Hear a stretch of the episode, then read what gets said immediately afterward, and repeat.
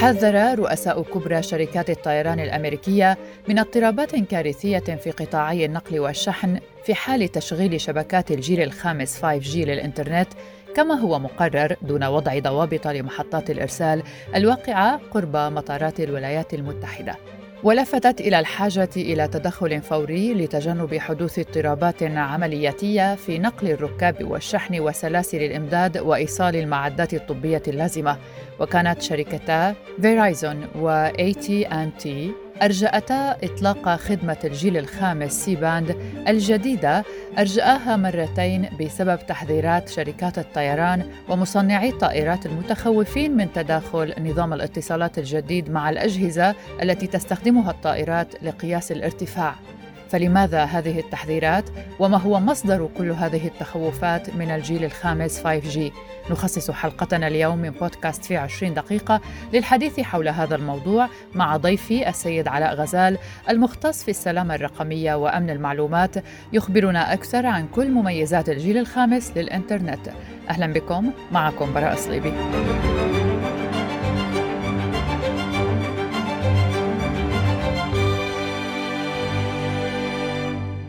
حذرت أكثر عشر شركات طيران أمريكية من أن تشغيل شبكات الجيل الخامس للهواتف المحمولة والتي كان من المنتظر تشغيلها الأربعاء الماضي سوف يسبب تخريبا ضخما لرحلاتها. وأشارت هذه الشركات إلى أن تشغيل الخدمة سوف يسبب مصيبة اقتصادية يمكن تفاديها بشكل كامل. وتخشى شركات الطيران من تداخل إشارات شبكات الجيل الخامس 5G التي تستخدم حيز التردد سي لموجات الراديو مع موجات التردد المستخدمة في أجهزة الملاحة الجوية خاصة أثناء الظروف الجوية السيئة. وجاء ذلك في رسالة مشتركة أرسلتها هذه الشركات لهيئة الطيران الاتحادي الأمريكية. وجاء في الخطاب نحن بحاجة ماسة لتدخل عاجل لتجنب خلل عملياتي قد يؤثر على المسافرين وعلى سلاسل الشحن وإمدادات الأدوية والمنتجات الطبية بما فيها اللقاحات وأرسلت الرسالة الموجهة لعدد من المسؤولين منهم وزير النقل بيت جيج ورئيس هيئة الطيران الاتحادي الأمريكية. فيما تجري حاليا مفاوضات على أعلى مستوى في الإدارة الأمريكية بخصوص ما وصف بأنه موقف شديد التعقيد. وتطالب شركات الطيران بإبعاد شبكة الجيل الخامس لنحو ثلاثة كيلومترات عن مدارج المطارات التي ستتأثر بها حسب ضوابط أصدرتها هيئة الطيران الاتحادي قبل تدشين الخدمة الأربعاء الماضي. وجاء في الخطاب نطالب هيئة الطيران الاتحادي بتحديد مواقع الأبراج الخاصة بشبكة الجيل الخامس القريبة من المطارات والمدارج والتي ستكون بحاجة للنقل إلى مسافة أبعد لتأمين السلامة للركاب وتجنب تخريب الرحلات وكانت شركة ايرباص وبوينغ قد حذرتا من مخاطر الشبكة على رحلات الطيران قبل أسابيع في بيان مشترك نادر. وقالت الشركات العشرة في رسالتها إن شركات تصنيع الطائرات أعلمتنا أن جزءا كبيرا من أسطول الطيران العامل حاليا قد يصبح خارج الخدمة. وواصلت إضافة لهذه الفوضى على المستوى المحلي يمكن لنقص الطائرات التأثير على الرحلات وترك عشرات الآلاف من الأمريكيين عالقين في مختلف دول العالم. وأعلنت هيئة الطيران الاتحادي الأمريكية التي تشرف على سلامة رحلات الطيران والنقل الجوي في الولايات المتحدة أن نحو 45% من أسطول النقل التجاري الأمريكي سيضطر لإجراء عمليات الهبوط في المدارج وسط ظروف رؤية ضعيفة في المطارات التي تجاورها أبراج شبكات الجيل الخامس. وأضافت الهيئة أنها رخصت بتركيب جهازي اتصال بشبكات الراديو لتحديد الارتفاع في عدد من طائرات شركتي بوينغ وإيرباص لكن ورغم ذلك قد تتأثر بعض الرحلات في بعض المطارات. وأشارت الهيئة أيضا إلى أنها ستبقى على تواصل مع الشركات المصنعة للطائرات لمعرفة كيفية عمل آلات تحديد الارتفاع والمواقع خلال الرحلات وكيفية تجنب تأثرها بشبكات الجيل الخامس. واستثمرت شركات الاتصالات الأمريكية مليارات الدولارات في تطوير شبكات خدمات المحمول والإنترنت المتوافقة مع الجيل الخامس الذي يتسم بسرعة أعلى واتصال أوسع. وتأخر عمل الشركة عدة مرات بسبب المخاوف التي أثارتها شركات الطيران وبالتالي من أجل تدشين شبكات الجيل الخامس من نهاية العام الماضي إلى مطلع الشهر الجاري ثم مرة أخرى إلى الأربعاء المنقضي وقد يؤجل مرة أخرى وكان الاتحاد التجاري لقطاع الاتصالات اللاسلكية في الولايات المتحدة المعروف باسم CTIA قد قال إن شبكات الجيل الخامس آمنة متهما قطاعات الطيران بإثارة مخاوف وتشويه حقائق وقالت المديرة التنفيذية للاتحاد ميريديث أتويل بيكر. قالت في تدوينة لها الشهر الماضي إن التأخير سوف يسبب ضررا حقيقيا تأجيل الطرح سنة واحدة سيسبب خسارة قدرها 50 مليار دولار في النمو الاقتصادي في وقت يتعافى فيه بلدنا من آثار الجائحة ما الذي نعرفه عن شبكات اتصالات الجيل الخامس؟ ما المقصود بتقنية 5G؟ بينما كانت الأجيال السابقة من التقنية الخليوية مثل تقنية التطور طويل الأجل الجيل الرابع 4G LTE تركز على إمكانية الاتصال ترتقي تقنية الجيل الخامس بإمكانية الاتصال إلى المستوى التالي عبر توفير تجارب اتصال من السحابة الإلكترونية إلى العملاء. شبكات الجيل الخامس شبكات افتراضية مدفوعة بالبرمجيات وهي تستخدم التقنيات السحابية.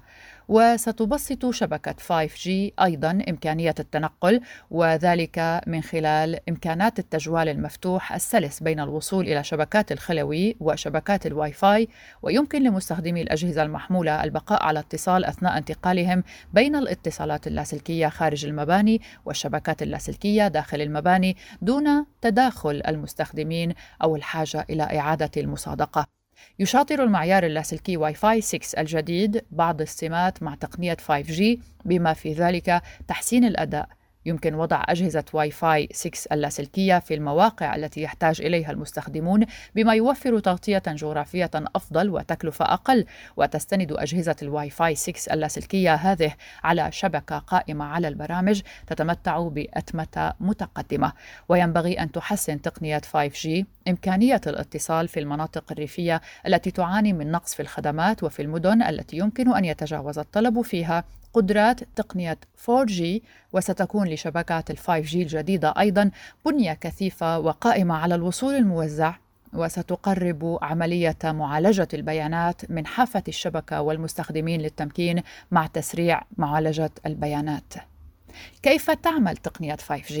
ستدخل تقنيات 5G تحديثات عبر بنية الشبكة وسيغطي معيار 5G نيو راديو وهو المعيار العالمي الذي يوفر واجهة ال 5G لاسلكية هوائية أعلى قدرة أطيافا لا تستخدم في شبكات ال 4G وستضم الهوائيات الجديدة تقنية تعرف باسم تقنية MIMO الدخل المتعدد الخروج المتعدد الضخمة. والتي تمكن العديد من أجهزة الإرسال والاستقبال من نقل مزيد من البيانات في الوقت نفسه ولكن تقنية ال 5G لا تقتصر فقط على الطيف اللاسلكي الجديد بل إنها مصممة لدعم شبكة متقاربة وغير متجانسة تنطوي على تقنيات مرخصة وغير مرخصة وسيزيد ذلك النطاق الترددي المتاح للمستخدمين.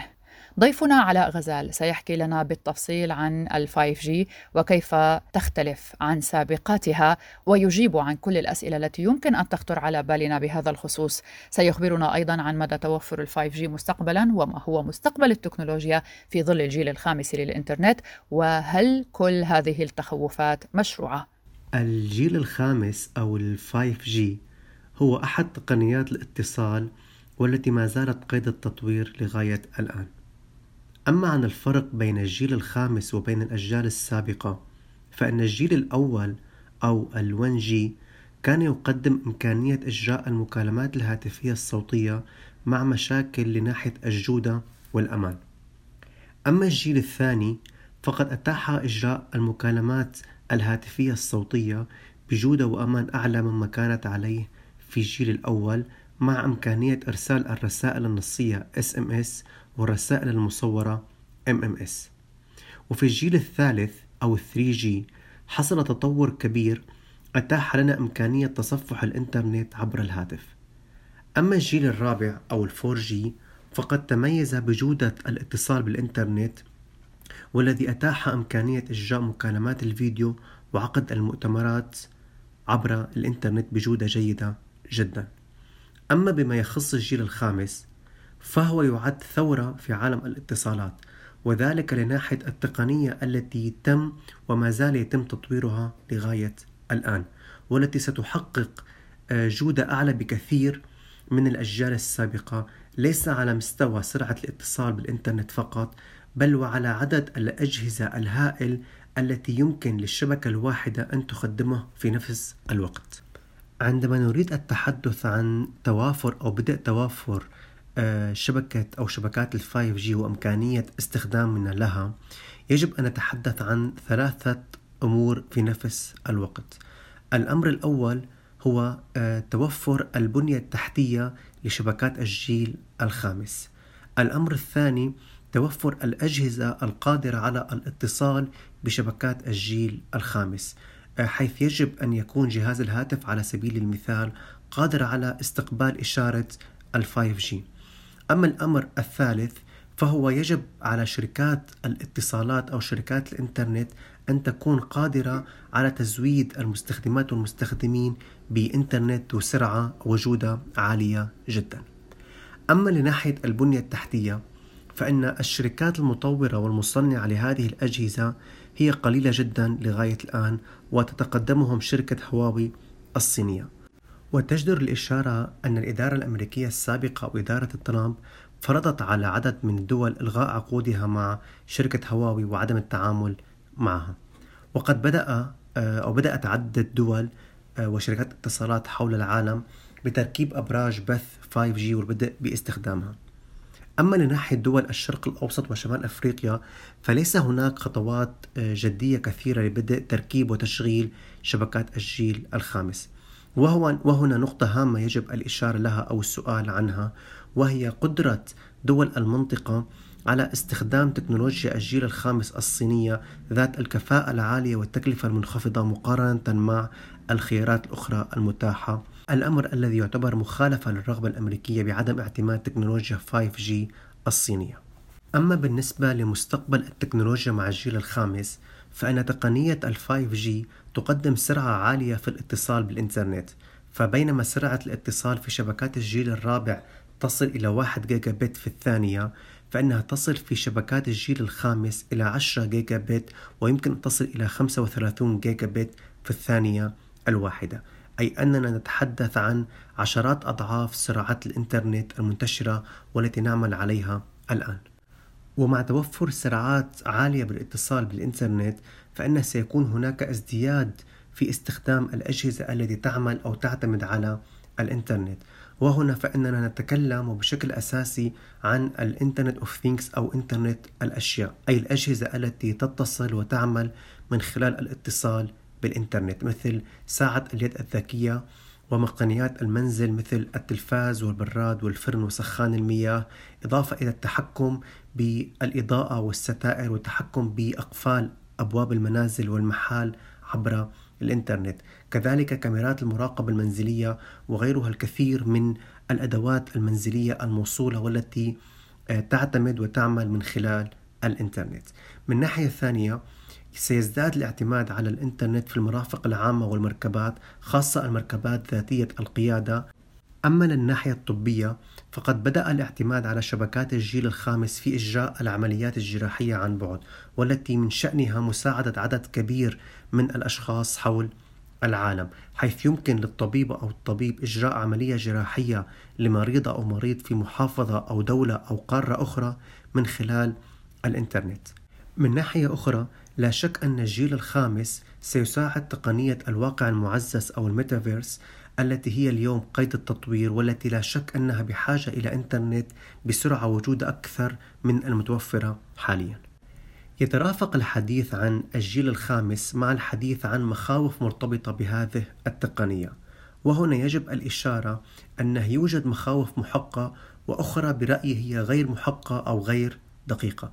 ولكن وقبل الحديث عن المخاوف المنتشرة حول الجيل الخامس أو ال 5G يجب أن نميز بين أنواع هذه المخاوف حيث يوجد مخاوف على المستوى التقني كالذي تتحدث عنه شركات الطيران حيث أنه يمكن لشبكات الجيل الخامس القريبة من المطارات أن تعطل عمل بعض الأجهزة في الطائرات كأجهزة قياس الارتفاع والتي تحمي الطائرات من التصادم أو الارتطام بالأجسام كالجبال أو الأبنية المرتفعة. وذلك بسبب القرب أو التقارب بين ترددات آه، تقنية ال 5G والترددات المستخدمة في رادارات أو الأجهزة في الطائرات.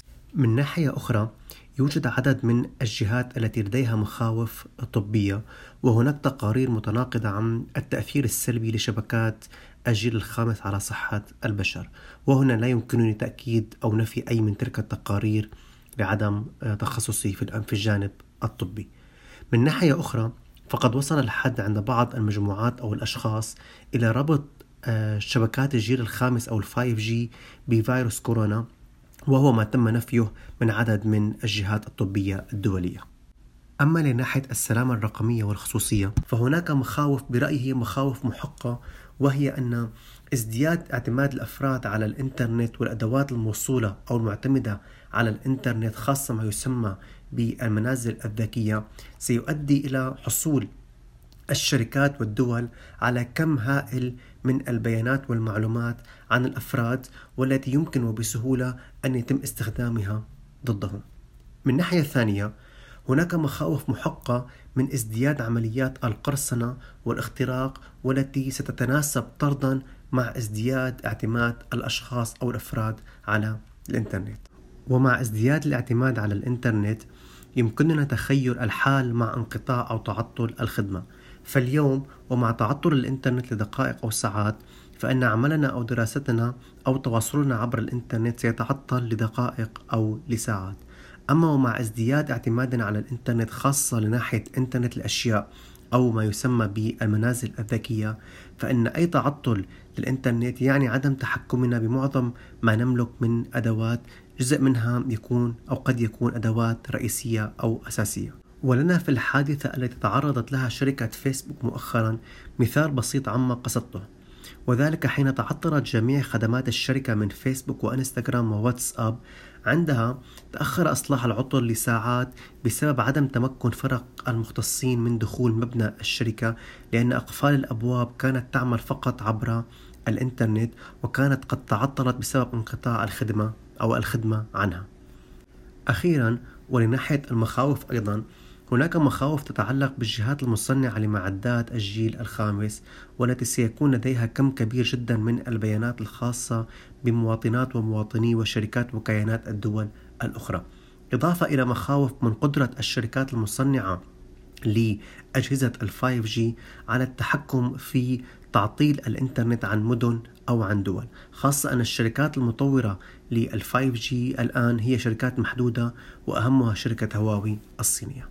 بالنهاية التطور التقني سيستمر وبرأيي أن اعتمادنا اليوم كأفراد على الإنترنت قد لا يتجاوز العشرين بالمئة مما سنكون عليه بعد عشر سنوات تقريبا.